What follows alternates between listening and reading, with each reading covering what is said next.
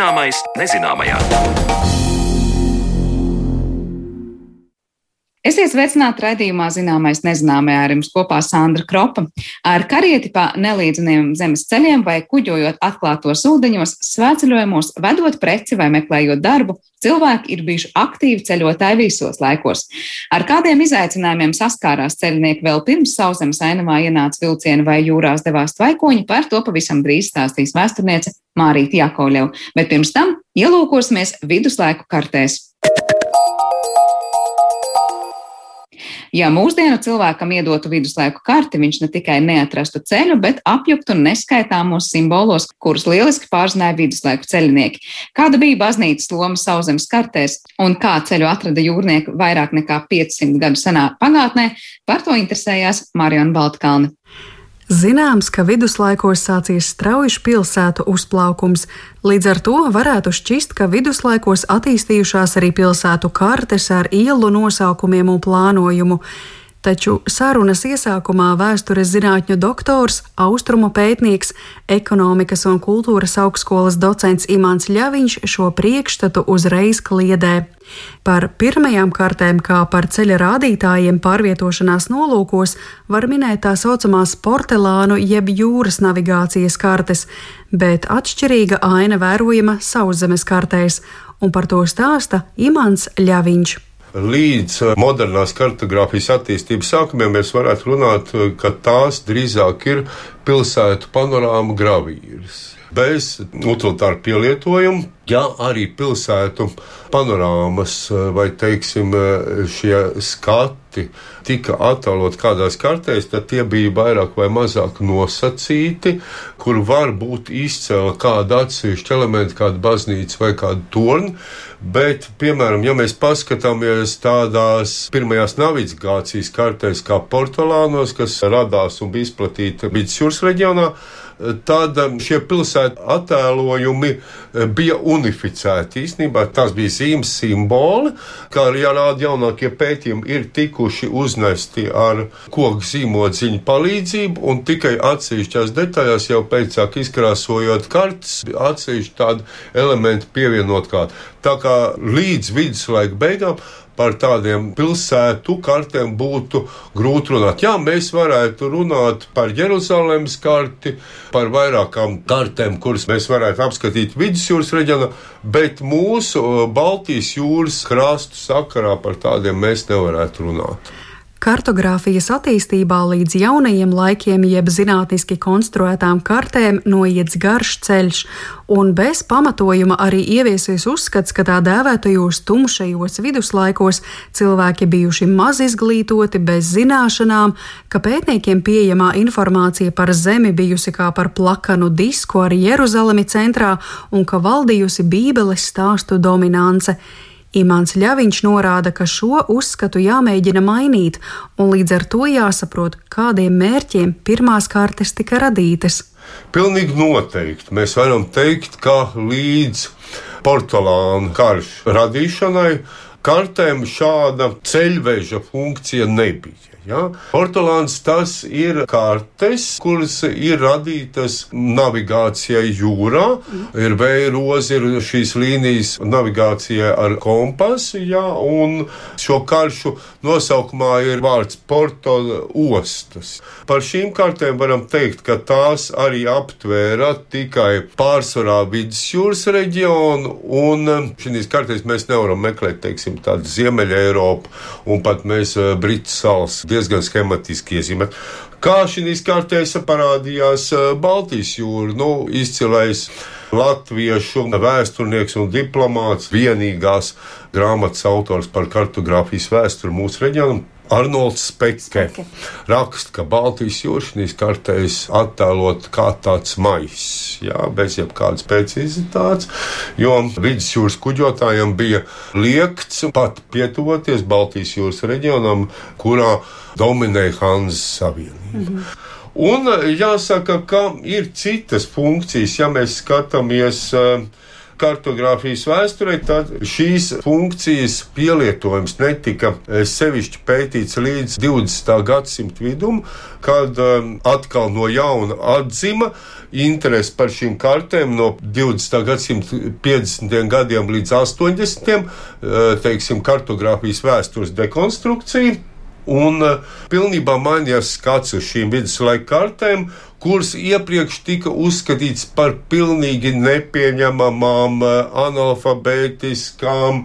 Tika pat ieteikts, ka atsevišķus antīkos geogrāfus un islāma zem geogrāfus viņas nedrīkstētu vispār saukt par geogrāfiem, jo tik aplams kartes attēls sazīmēt īsti tā nedrīkstētu. Ja, ja mēs skatām, kādi bija šie karšu mērķi, Daudzajā ziņā šīs kartes, pēc atsevišķiem uzskatiem, tās lielākās kartes, kas 13. gadsimta Herefords un Epstorps kartes, ir bijušas eh, sākotnēji iecerētas kā altāra eh, svētbildes, kur uzdevums ir parādīt šo brīnišķīgo dieva radīto pasauli Un mēs varam tur saskatīt šīs radības, šos brīnumus, kas zemes virsū ir atrodami, un principā tam sniedz šo plašo ieskatu. Ja? Un daļā šo karšu kā centrālais punkts ir iezīmēta Jeruzalem, kas ir svarīga kā kristietības centrālais punkts. Un uh, visa zeme atrodas uh, apkārt šai Jeruzalemei. Un, ja skatās no šī centra, Tad, eh, pārvietojoties arvien vairāk uz zemes malām, eh, parādās tādas vietas, par kurām informācija nav. Un tad šeit savienojas eh, leģendas, nostāsti, nepilnīgā informācija. Un parādās tāds mītisks vietas, par kurām mēs šodien varam iesmaidīt, un par šo attēlumu uz kartēm, piemēram, cilvēkādāju uz vienas kājas, šiem briesmoņi, šie brīnumi. Ja? Sākotnējā periodā it kā aizpildīja daudz vietu tās tukšās vietas eh, kartēs, kur nebija pietiekoši daudz informācijas. Ja? Un, jā, ir mums ienācis ka tur dzīvojot šādi cilvēki, piemēram, ar ausīm līdz zemē, vai kuriem eh, galvas kā lietus sargi vai kaut kāda vēl cita, ja, un tāpat jūrā dažādi briesmoņi. Bet paplašinoties geogrāfiskās informācijas daudzumam un iegūstot arvien vairāk ziņas par šīm tālajām zemēm, šīs mītiskās vietas ar šiem briesmoņiem eh, arvien attālinājās, attālinājās arvien tālāk un tālāk. Eh, ja, teiksim, sākotnēji mēs skatām tās pašās Epstorps un Herfords kartēs, mēs redzam, ka netālu no mūsu apdzīvotā reģiona atrodas arī Aleksandra altāri. Ja, kurus Maķedonijas Aleksandrs uzcēla, tad šie altāri vēlāk pārvietojas. Tad ir mītiskie kalni, tad rifeja kalni, kur arvien vairāk pārvietojas tālāk. Tā kā tas ir raksturīgi ne tikai Eiropas viduslaika kartogrāfijai, tas ir raksturīgi arī citām civilizācijām, piemēram, islāma kartogrāfijām. Uz zemes ir atrodams arī šis mūris, kuru arī uzcēls Maķedonijas Aleksandrs, un aiz šī mūra ieslēdzis šīs mežonīgās tautas. Un šis mūris, kurš eh, no šiem mežoņiem nodrošina šo nosacītu civilizēto pasauli, arvien vairāk pārvietojas, arvien tālāk un tālāk. Tā kā šīm kartēm sākotnēji, vismaz Eiropā, tām vajadzēja būt kā tādam retumu vēstītājam, kā stāstiem par brīnumiem, ko daudzi nav redzējuši. Un kartēt mums ir arī šāds informatīvais slānis. Pieminētās Ebstorfas un Herefordas kartes izmēros ir aptuveni 3,5 reizes 3,5 metri. Par karšu materiālu izmantota āda, viena karte nāk no Vācijas, otra no Anglijas. Un tagad acu priekšā varam iztēloties Epstorfas karti. Pasaules ainu patiesībā caurvīja Jēzus Kristus ķermenis. Kristus galva ir kartes augšpusē, un tā apzīmē austrumus. Tur atrodama arī ēdene. Kartes apakšā, kur attēlotas Kristus kājas, ir rietumi. Kartes pašā centrā ir Jeruzaleme, un atcaucoties vēsturnieka sarunas sākumā minētajam, Jeruzalemes gadījumā patiešām ir vērojami mēģinājumi jau attēlot kartogrāfiski Jeruzalemi kā pilsētu. Ir gan mūris, gan sarktorņi. Vai kartē redzama arī Rīga? Jā, To var meklēt pie Kristus labās rokas. Teiksim, mēs redzam Daugau, Dunu. Mēs redzam Rīgas pilsētu, ja tā kārtīgi ieskats. Mēs redzam šeit arī vairākas tādas liela izmēra meža dzīvnieks. Tur strīdās, vai tie ir aini vai tie ir brieži. Ja? Un šeit pat netālu mēs redzam šos Aleksandra altārus. Ja? Tātad, principā, mēs atrodamies uz tādas izcēlāmās uh, pasaules robežas. Ja? Tā kā šeit mēs varam būt pagodināti ar to, ka mēs bijām ieraudzīti, mēs atrodāmies tādā pasaules ainā. Tā ir pasaules aina, ja? tas nav kāds ceļvedis. Un tad ir otra šī īpatnība, ka ir mēģinājums eh, savienot gan šo telpisko informāciju kopā ar laika plūtumu. Tātad savienot telpu un laiku, un tas ir varbūt tas pats interesantākais, kur Mūsdienās tas varētu būt, kā teiksim, datorkartogrāfijā vairāk slāņi tiek attēlot. Un šeit tas grūtākais ir bijis uz vienas šīs kartes attēlot vienu pilsētu, vienu reģionu dažādos laikos. Un mēs redzam, ka šeit ir leģendārais ja, Bābeles tornis un Babilonas pilsēta. Viņi atrodas relatīvi tuvu. Lai gan laiks šķir. Jā, laiks šķir. Arī Herefordas kartē vērojami mēģinājumi savienot laiku un telpu, kā Mūzus iziet no Ēģiptes, kā šķērsota sarkanā jūra, kā tauta garus gadus vadāta pa tūkstnesi. Savukārt uz Epstorfas kārti ar Kristus ķermeni var palūkoties arī kā uz cilvēces laika ritējumu. Tas sākas cilvēkam izējot no ēdenes austrumos un caur Babilonu, Jeruzalemi un Romu visbeidzot noslēdzas rietumos tā simbolika būtu jāsaprot apmēram tā. Saule lec austrumos, tātad šeit arī cilvēks. Rītausma ir, un cilvēks iziet zināmu ceļu, kur šis kulminācija centrālais posms ir Jeruzaleme, un pamazām tuvojas savam nobeigumam, vai bojājai, vai teiksim, galam, jau rietumos, rietumos, Magribā, kur saule riet. Mm. Mēs dabiski varam meklēt citus piemērus, kā cilvēki antikos laikos un viduslaikos pārvietojās, kā viņi atrada ceļu. Jā, ir tāda pentingera karte, par kuru gan daudz vēl strīdās, kura it kā ir nākusi no Romas impērijas laikiem. Tāda dabiski mēs varētu runāt agros viduslaikos arī par itinerārijiem, kuri norādīja ceļu, nu, nosacīt no Britu salām uz Jeruzalem. Ja? Bet uh, tur mums ir diezgan liela vilšanās, var sagaidīt vienu iemeslu dēļ, tāpēc, ka šie itinerāriji darbojas amatā no punkta A. Pa ceļu mēs dodamies uz punktu B, no punkta B, nu, nosacīt no pilsētas, mēs dodamies uz punktu C, tālāk uz D, un nekādas novirzes no šiem ceļiem. Tātad viens mērķis tikai nokļūt Jeruzalemē. Un eh, šiem svētceļojuma apraksti arī ir gana garlaicīgi. Teiksim, eh, netiek piefiksēts notikumi, nekādi nekādas pilsētas etniskās vai kultūras īpatnības, nekādas celtnes, nekad eh, nonākot jau tikai Jeruzalemē, tātad tiek meklētas vietas, kuras ir saistāmas ar svētiem rakstiem. Mm. Imants Ļaviņš saka, ka viduslaikos ierodoties klosterī vai baznīcā, cilvēki šo karšu zīmju valodu atpazina.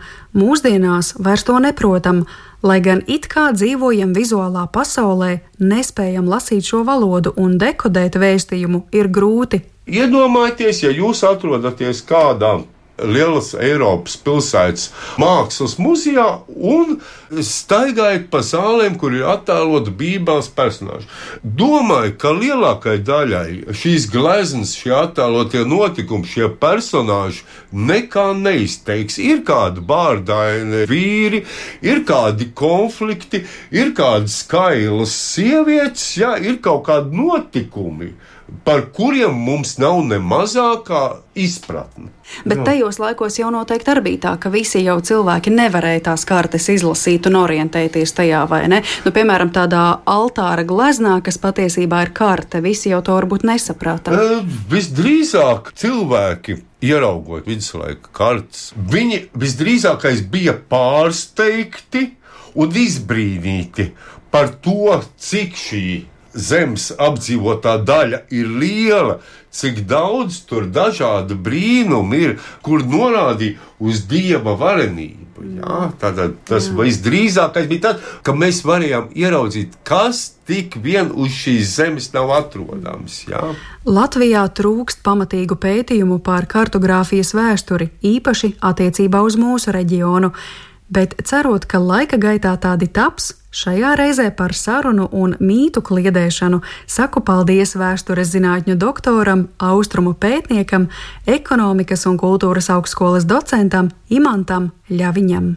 Par viduslaiku kartēm dzirdējāt Marijas Baltkānas sagatavotajā sižetā, bet raidījuma turpinājumā iejutīsimies ceļotājā ādā un skaidrosim, uz kurien un kā pārvietojās cilvēki Eiropā 16. un 18. gadsimtā.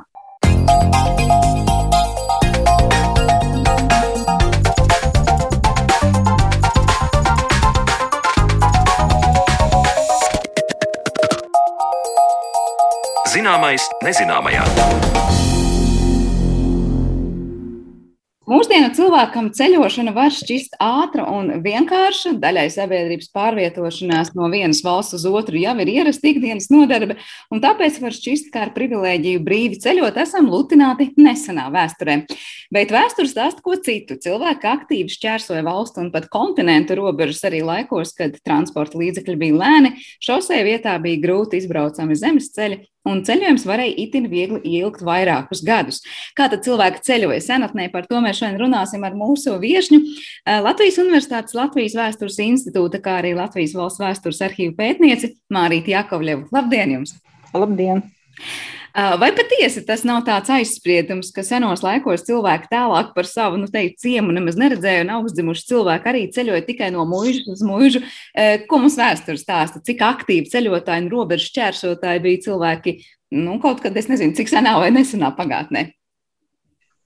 Nu, patiesībā sakot, jā, tas ir tāds zināms aizspriedums, jo migrācija un cilvēku pārvietošanās notika jau no seniem laikiem. Interesanti ir tas, ka jau antīkajā pasaulē bija diezgan liela interese ne tikai par ceļošanu kaut kādos tādos um, viederīgos nolūkos, bet arī vienkārši, lai izzinātu pasauli un apskatītu kaut kādus noteiktus pieminekļus. Jā, tā kā faktiski turisma pirmsākuma meklējumi jau antīkajā pasaulē. Eh, bet, ja mēs runājam par tādiem nedaudz tuvākiem gadsimtiem, jā, 16. un 18. gadsimts, ko mēs pazīstam kā agros jaunos laikus, eh, tad mēs varam teikt, ka, eh, jā, protams, bija cilvēki, kas tālāk par savu ciemu vai, vai savu pagastu nekad nav bijuši.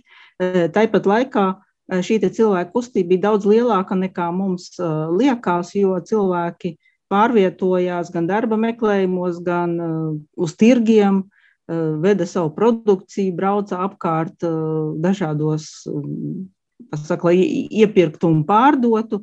Tāpat tirgotāji pārvietojās, pārvietojās. Kopš 16. gadsimta bija arī obligāts pienākums um, amatnieku zeļiem, ne tikai strādāt un apgūt amatu savā dzimtajā pilsētā, bet arī uh, Eh, tika noteikti šie obligātie vanderēšanas gadi, ja, jeb eh, ceļojuma gadi pa dažādām citām eh, valstīm, pilsētām un pie mācī, mācības pie citiem meistariem. Tātad šī te prakses apgūšana ne tikai vienā vietā, jā, bet faktiski jaunu tehnoloģiju un jaunu zināšanu apgūve. Tāpat tās arī 16. gadsimtā, sevišķi līdz ar renesanses Uh, uzplaukumu, izplatījās arī uh, paražā, sevišķi augstākajās aprindās, uh, mužnieku dēliem un arī to skaitā valdnieku dēliem doties pasaules izzināšanas ceļojumos, beidzot nu, kādas zināmas studijas. Jā, tā, tā, tādā zināmā vecumā, apmēram no 17 līdz 21, 22 gadiem, Jā, tā, tā, tāds izzināšanas ceļojums, ko sauca par lielo ceļojumu, jeb kavalieru tūri. Bet tad sanāk, jūsos klausoties, ka senākos laikos tā ceļošana vairāk bija tāda ļoti pragmatisku apsvērumu dēļ, vai ļoti tāda, nu, kā saka, vajadzības spieda cilvēkus kaut kur doties, vai, vai nosacījumu, vai pienākums, vai reāli tur pārtiks meklējumu, vai kas tirgošanās. Tāda ceļošana, kā, kā pasaules iepazīšana, izzināšana, laikam to laiku bija sveša. Nu, kā jau es teicu, šis te tā saucamā kavalieru tūre, jeb lielais ceļojums, tas bija tāds viens no augstāko aprindu izglītības obligātajiem pasākumiem. Jā, un, un tas bija tiešām vērsts uz to, lai izzinātu svešas zemes, vingrinātos svešvalodās, Nu, faktiski tieši tāpat kā, kā tas notiek arī mūsdienās. Bet jūs sakat, obligāts pasākums, tad tas nozīmē, ka tie ir augstākiem slāņiem, nu, kā jau es sapratu, jā, tā tad eh, pieņem, vispār, mm, nu, nezinu, pieejams pasākums, un to prasīja, nu, tā kā es nezinu, vai sabiedrības normas vai izglītības normas, bet eh, tāda, nezinu, paša cilvēka nezinu, brīva deksme, kā mūsdienās sagribēju un aizbraucu, vai es sajūtu sevī vēlmi doties tur un tur, tad un tad. Tā citu gadsimtu cilvēkam ir tā kā sveša parādība? Grūti teikt, bet patiesībā, nu, protams, turisms kā, kā tāda industrija vai tāda mūsdienu parādība tolaik nebija pārāk izplatīts. Tepat laikā šī te pasaules izzināšana, ja, kā jau es minēju, izglītošanās, ja, tā bija piederējās pie sevis cienoša augstāko aprindu cilvēku izglītības sistēmas. Ja, līdz ar to, ja tu vēlējies Eh, tikt uzskatīts, ka tu esi izglītots un, un attiecīgi savām aprindām, tā sakot, labi situēts cilvēks, ja, tad attiecīgi tad šīs kavalieru tūrs tad arī izplatījās. Jā, tad gribi, negribi. Tas bija tāds, tā kā pat, jā, pat ja negribētu, tas būtu, ja gribi būt augstzimis un atzīts, tad tas bija pasākums, kas jādara. Bet jūs sakāt, šie augstākie slāņi, vai tas nozīmē, ka no tiem zemākajiem patiešām nu, tur nebija iespēja cilvēkiem ceļot, ja vien nu, tiešām nebija kāda izteikta vajadzība, kas viņus spieda? Kāda, varbūt jūs varat nedaudz sīkāk par tiem sabiedrības slāņiem, kuriem bija pieejama ceļošana, pastāstīt. Nu, tas, protams, arī ir atkarīgs no katra laikmeta senākos laikos, jā, ceļošana bija vairāk pieejama šiem augstākajiem slāņiem, kā arī tirgotājiem, ja, kas devās tiešām vajadzības spiesti. Tāpat tās zemnieki devās uz tirgiem, vai arī tika sūtīti ar dažādiem, teiksim, mužnieku uzdevumā, jā, ar šķūtis pildīja. Savukārt tāda vienkārši kā laika pavadīšana, ceļošana, protams, šiem te cilvēkiem, kam ikdienā bija saka, jāpelna no, no, no rokas mutē maize, jā, tā, tā, protams, nebija izplatīta. Uh, savukārt jau teiksim, 18. gadsimtā izplatoties apgaismībai, kad arī ar vien vairāk uh, universitātēs studēja ne tikai augstāko aprindu, bet arī pilsētnieku un, un mācītāju dēlu un dažādu šeiksim, šo vidējo slāņu pārstāvji. Un arī viens otrs zemnieks, varbūt, jā, vai, vai, vai cits uh, zemāko slāņu pārstāvis, kas ir izsities kaut kādā veidā. Ja, tad šī te, uh, ceļošana uh, pirms vai pēc studijām izplatījās arī pilsētnieku sevišķi vidū. Bet, zināk, kas bija vairāk ceļojums tā laika cilvēkam? Tas tomēr, lai arī kāds bija mērķis, bija izaicinājums, un tas bija kaut kāds liels pārbaudījums. Nu, neapšaubām, jo nebija jau ne, ne dzelzceļu, ne šoseju asfaltētu. Cilvēki pārvietojās kājām, ar zirgiem, ar laivām, ar ratiem. Patiesībā visērtākais ceļošanas veids 16. un 18. gadsimtā bija pārvietošanās pa ūdeņiem, jā, tātad ar kuģiem vai laivām. Un uh, sauszemes uh, ceļi patiesībā visērtāk pa sauszemi bija pārvietoties ziemā, tad, kad aizsala šie ūdens ceļi un arī purvainās vietas, un tad pārvietojās ar kamanām gan pa upju gultnēm, gan vienkārši pa iebrauktām vietām, jo vasarās, eh, gan vasarās, gan rudeņos, gan ziemās ļoti bieži šie ceļi kļuva neizbraucami dažādu dabas kataklizmu dēļ. Tā kā jā, tas eh, ceļojums nebija viegli padarīšanu. Bet kā ar tiem ūdens ceļiem, cik droši tie bija? Tā bija arī vieta, kur nu, pieņemu kaut kādi laupītāji uzglūnēja vai pirāti un daudz kas cits. Kā, kā, kā cilvēki to liek uztvērt to ūdens pārvietošanās ceļu? Cik bīstami? Nu, laupītā, jā, laupītāji uzbruka patiesībā sakot ne tik daudz uz ūdens, cik daudz vairāk uh, uz sauszemes ceļiem. Uh, Eh, bet eh, jā, pārvietošanās pa ūdeni atkal bija atkarīga ne tikai, eh, ne tikai no kuģa drošības vai pirātiem, bet arī tiešām no vējiem, no dabas apstākļiem. Jā, ļoti bieži mēs lasām vai redzam dokumentus par kuģa avārijām. Jā.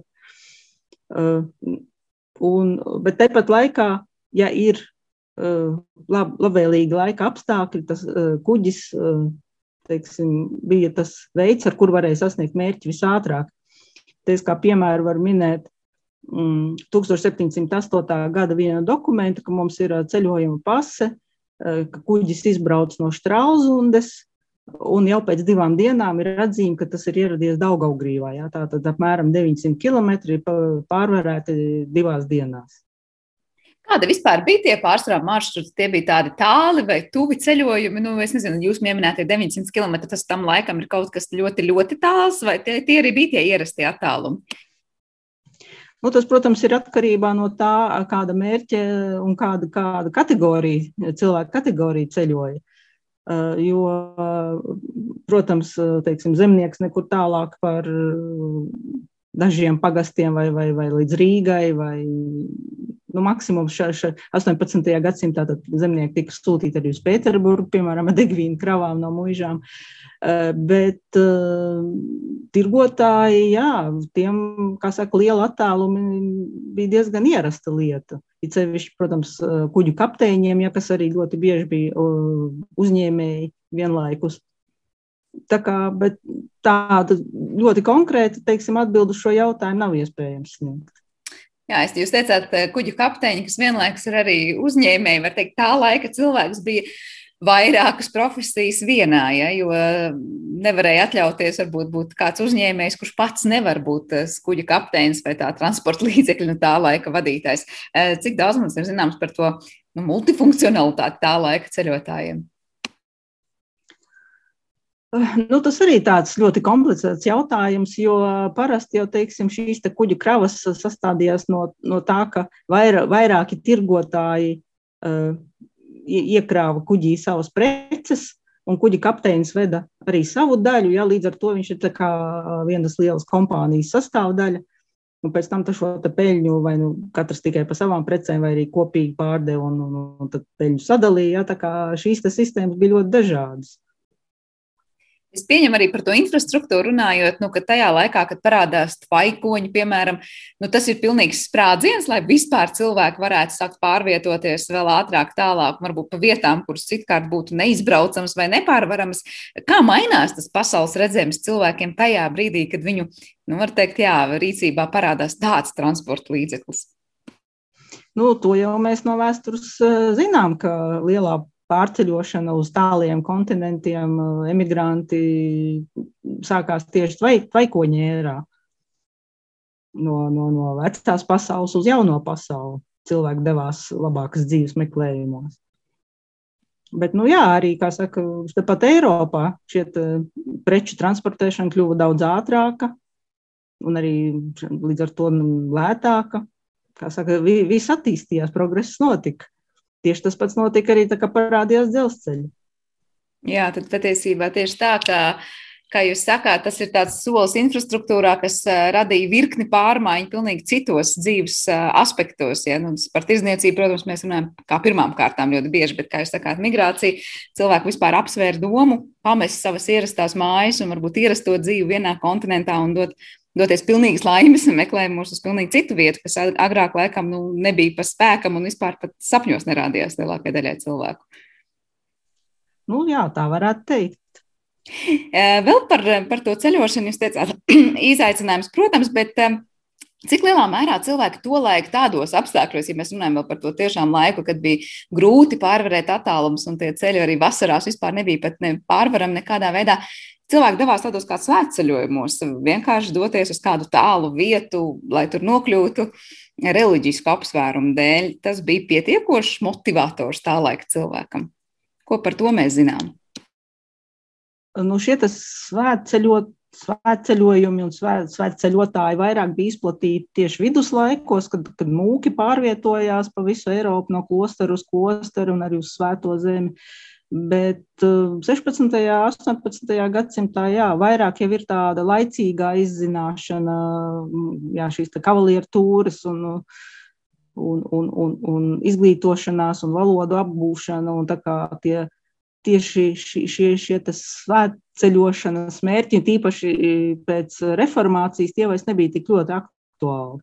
Vismaz vienai lielai daļai Eiropas, jā, kā saka, luterāņiem un, un, un kalvīnistiem, ja šī svē, svē, svētumu pielūgšana vairs nebija tik aktuāla, kā tas ir katoļiem. Līdz ar to arī tā šāda veida ceļošana nedaudz atkrita. Mm -hmm. Ja mēs runājam par to pārvietošanos, vēl es iedomājos, nu, kas atšķir noteikti tādu mūsdienu cilvēku skatījumu uz ceļošanu no citu laikmetu cilvēkiem. Labi, ja mēs runājam par eh, kuģiem vai vilcieniem, kas salīdzinot ar mūsdienu laiku būtu krietni tur vai lēnāki vai kā citādāki. Bet tad, kad pārvietojās ar zirgiem, patiesībā tas ir transports, ja tā var teikt, kas ir dzīvs un ir jādomā, kurus zirgus dzirdināt, kā zirgiem atpūsties. Tā nav mašīna. Kā tas ietekmēja to, kāda tā infrastruktūra ap tiem ceļiem veidojās? Nu, es pieņemu tās atpūtas vietas tieši balstoties uz to, kā zirgiem ir jāatpūšas, lai vispār ar viņiem tālāk varētu tikt. Kā veidojās ap šo transporta, ja tā var teikt, veidu vispār tā industrija? Jā, nu, protams, ka zirgs faktiski bija tas galvenais un noteicošais. Un līdz ar to arī radās pie ceļiem, garceļiem, jā, šie krogi ar stadulām. Un arī bieži vien ceļotāji apmetās vienkārši pa ceļam, kas saka, sastaptajās mājās, ja, īpaši zemnieku sētās. Un, un šī, jāsaka, šī infrastruktūra katrā valstī un katrā zemē veidojās uh, kaut kā savādāk, savdabīgāk, un tā ļoti grūti ir, ir, ir uh, novienādot jā, šo sistēmas veidošanos, bet fakts kā tāds, ka, protams, uh, krogu arvien biežāka un, un ierīkošana gar ceļiem, jā, tas ir viens no šiem te gan ceļošanas ietekmē, gan arī otrādi, jā, tātad no kroga esamības, eh, teiksim, intensificējās ceļošana, jā, līdz ar to tas ir savstarpēji saistīts lietas. Iezīmējas arī ceļošanas ceļi, ja tur, bija šie krogi un iespējamās apstāšanās vietas, bet vai var teikt, ka tā laika krogi pildīja tādu mūsdienu viesnīcu funkciju? Ne tikai protams, kroga, kroga kā, kā, kā varbūt iedzeršanas vieta, bet kā tādu apstāšanās un viesnīcu. Mūsu, varbūt šī gadsimta cilvēku priekšstats par tā laika krogiem ir atšķirīgs. Nu, apmēram tas pats, kā saka, arī viesnīcā. Jūs varat uh, gan restorānā pasēdēt, gan pārnakšņot. Jā, un krogā bija tieši tas pats. Jā. Protams, uh, atšķirība bija ētībās jā, un, un, un piedāvājumā. Bet princips jau ir tas pats. Uh, kāda bija tā tā laika izteiktākie, nu, nezinu, vai prasības, kādam ir jābūt tam krogam, lai tas būtu piemērots tā laika ceļotājiem, vai tur bija, nezinu, prātā nāk eh, izteikti daudz vietas tieši zirgiem, vai kā citādāk, vai ir kaut kāds, nu, standarts, ko mēs varam runāt, kas bija uzskatāms par pieņemamu, lai būtu pietiekoši ērti tam cilvēkam tur apmesties. Par ko domāja tā laika krodzinieki? Nu, tas arī tā ļoti atšķirīgi gan pa laikmetiem, gan arī pa zemēm. Uh, nu, Krodzinieks, protams, pirmām kārtām domāja par peļņu. Līdz ar to eh, faktiski tā ceļinieku uzņemšana tā tomēr bija tāda blakus nodarbe vairāk. Tīpaši 16. un 17. gadsimtā, no 18. gadsimta otrajā pusē attīstoties pasta sistēmai, ja, tā kā parādījās jau smagie šie pasta rati, kas pārvadāja arī pasažierus, jā, tad arī vairāk sāka domāt par to, ka vai būtu nakšņošanas vietas vai kaut kādas tādas vietas, kur var izvietot vairāk zirgu. Eh, bet eh, principā senākos laikos, jā, krodziniekam tomēr galvenais bija viņa, kā saka, dzērienu noiets, nevis šīs ērtības ceļ, ceļotājiem. Tā kā neviens to laiku nedomāja par savu varbūt, reputāciju, kas mūsdienu laikā varbūt ceļotājiem liktos kā tāda, nu, cik zvaigznes būtu nosacīta šim apmešanās vietai.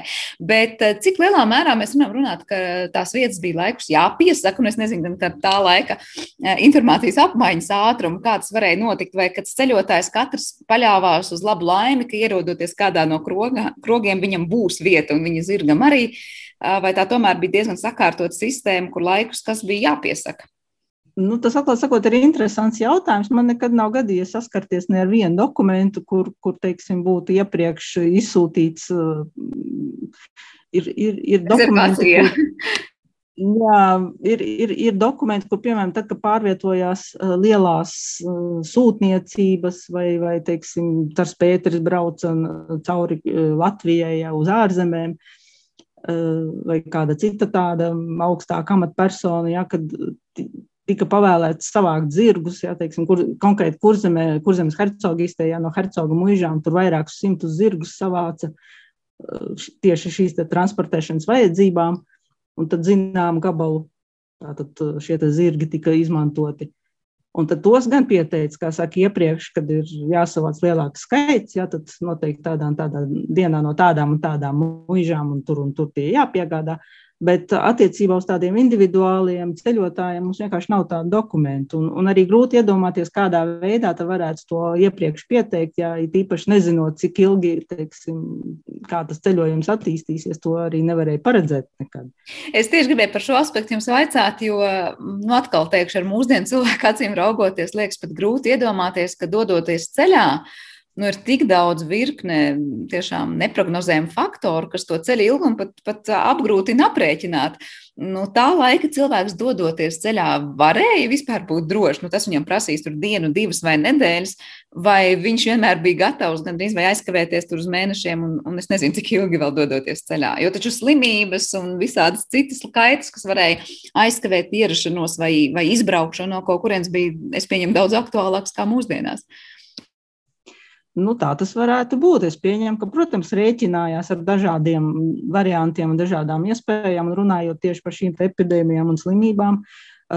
Jāatgādina, ka jau tajos laikos eksistēja pases, kuras bija jāuzrāda ierodoties, sakot, katrā, šķērsojot katru robežu vai katrā jaunā pilsētā.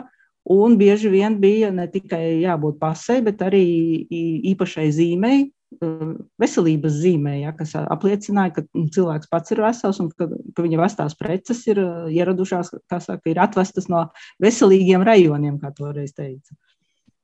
Patiesībā, jā, jā. Uh, kontrola diezgan, diezgan pamatīgi ir bijusi. Nu, principā, jā, bet, uh, protams, tā kontrole bija pilsētu vārti, ja pilsēt, pie pilsētām bija sardzes, uh, sakot, lai varētu tikt iekšā pilsētā, uz robežām ļoti bieži norīkoja, sevišķi epidēmija gadījumos, īpašus kordonus un um, robežu posteņus. Uh, tāpat laikā, protams, to laiku šķērsot robežu pa kādiem maziem blakus celiņiem bija ārkārtīgi viegli. Jā, tā kā tā sistēma. Kāpēc sistēma arī bija viegli? Nu, jā, tā bija saka, tā sistēma, robežu sistēma jau bija tikai aizmetnī.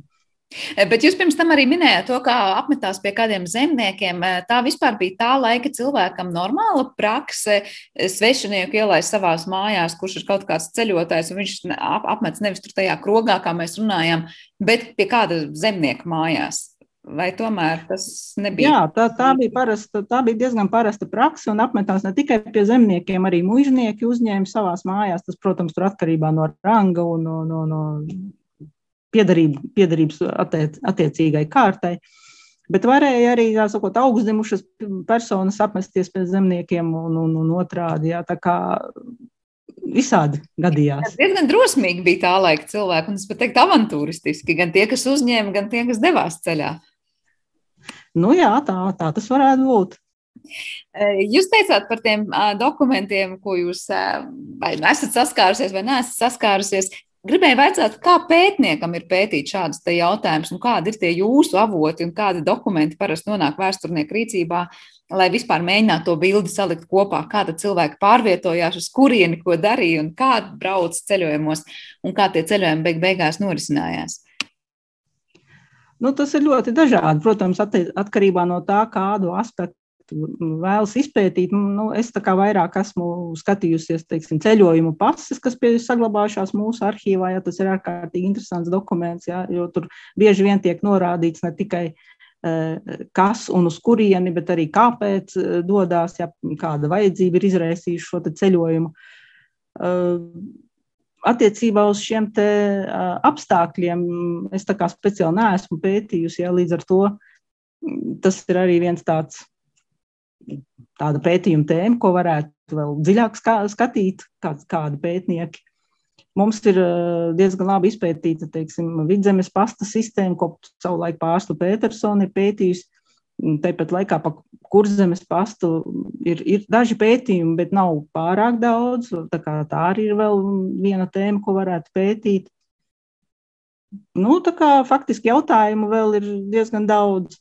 Bet tad šīs ceļojuma pases, nu labi, tās tiešām sniedz ļoti interesantu informāciju par tiem, kas tur ceļoja, bet, piemēram, ir tādi e, kaut kādi uzskaitas žurnāli vai dokumentiem pašiem krogiem savulaik bijuši, kas tur apmetās un kā, vai tā bija tomēr tāda sistēma, kur kurš brauca, tas palika, kas saka, par dzērieniem, ēdieniem naudu samaksāja un devās tālāk, un paši tie krogu īpašnieki nemaz nekādu uzskaiti neveda.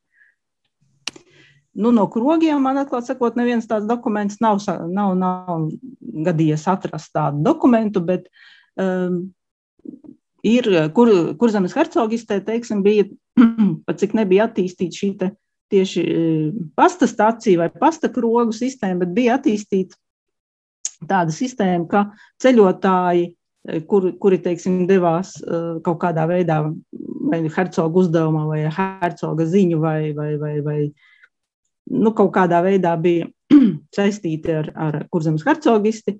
Viņi pārvietojās no vienas hercoga mūžas uz otru, un, un tad bija pienākums sniegt uh, viņiem atbalstu un arī sniegt, teiksim, naktsmājas, sniegt uh, maltītes, sniegt zirgiem barību un arī šos zirgus tur nomainīt. Un tad ir saglabājušies daži, daži šāda, šāda veida pieraksti no saldus mūžas, kas bija viens no tādiem punktiem, kur, uh, kas saka, tāds apmaiņas punkts diezgan liels bija.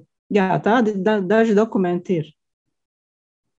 Jā, interesanti, kā tiešām ielūkojoties senākos dokumentos, varam mēģināt uzburt tā laika dzīves ainas. Bet uh, man vēl jautājums, vai no tā, kas ir jūsu rīcībā, ir iespējams pateikt, nu, kas pārsvarā bija tie cilvēki vai, vai, vai mērķi, kāpēc cilvēki ieradās tagadējā Latvijas teritorijā, ko viņi šeit darīja, kas viņi bija un kāda ir tā nu, izpratne par tā laika iebraucējiem, kuriem varbūt gala mērķis bija Latvijas teritorija. Kas tie bija par nu, ceļotājiem?